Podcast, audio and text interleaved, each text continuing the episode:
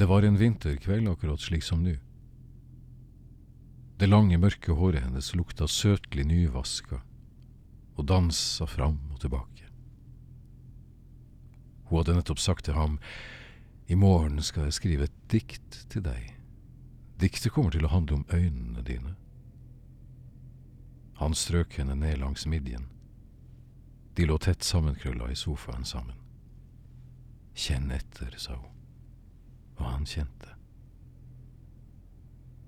Han hadde kjærtegna kjønnet hennes. Det hadde satt syrinlignende duftspor langs fingrene hans.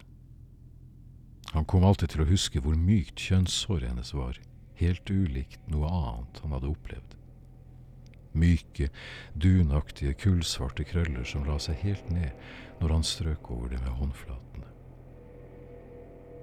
Og det var forbudt, dette, selvsagt var det forbudt. De stjal seg til disse kveldene, hisset hverandre opp med blikk og kjælen varme.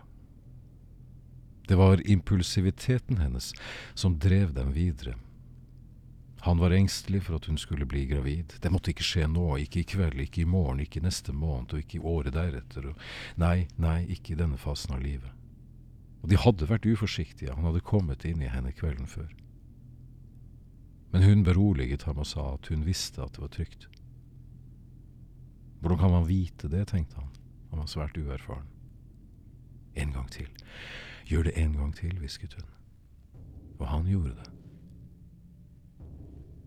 Og nå denne vinterkvelden akte hun seg smilende ned mellom beina hans, grep rundt kjønnet hans med de lange, slanke fingrene som han hadde lært seg å kjenne godt.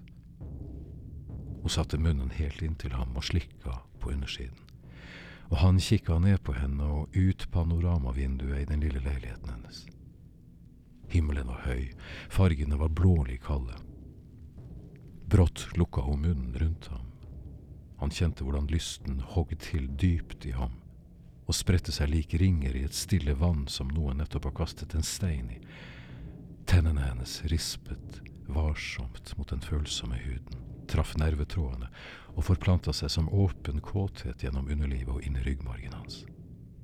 Han åpna munnen, strakte seg bakover, og mens hun fortsatte de målrettede bevegelsene og onanerte ham samtidig ned langs skaftet, konsentrerte seg om å lukke munnen, åpne den igjen, for deretter å lukke den hardt om, om og om igjen. Så tenkte han, jeg er lykkelig. Han grep nakken hennes med begge hender, lot henne forstå at han var hennes nå. Det kan komme til å gå for meg, hviska han mot det venstre øret hennes. Hun slapp ham ikke, ga bare fra seg et samtykkende mm. Og da skjedde det. Han kunne kjenne at han var på vei inn i den sonen der det ikke lenger var noen vei tilbake. En følelse av panikk kom over ham. Det, det går for meg, sa han usammenhengende. Hun grep hardt om ham med munnen idet han passerte siste stoppested før orgasmen. Han forsøkte å skyve nakken hennes bakover, lot henne forstå at det kom til å skje i munnen hennes. Nakken gjorde motstand.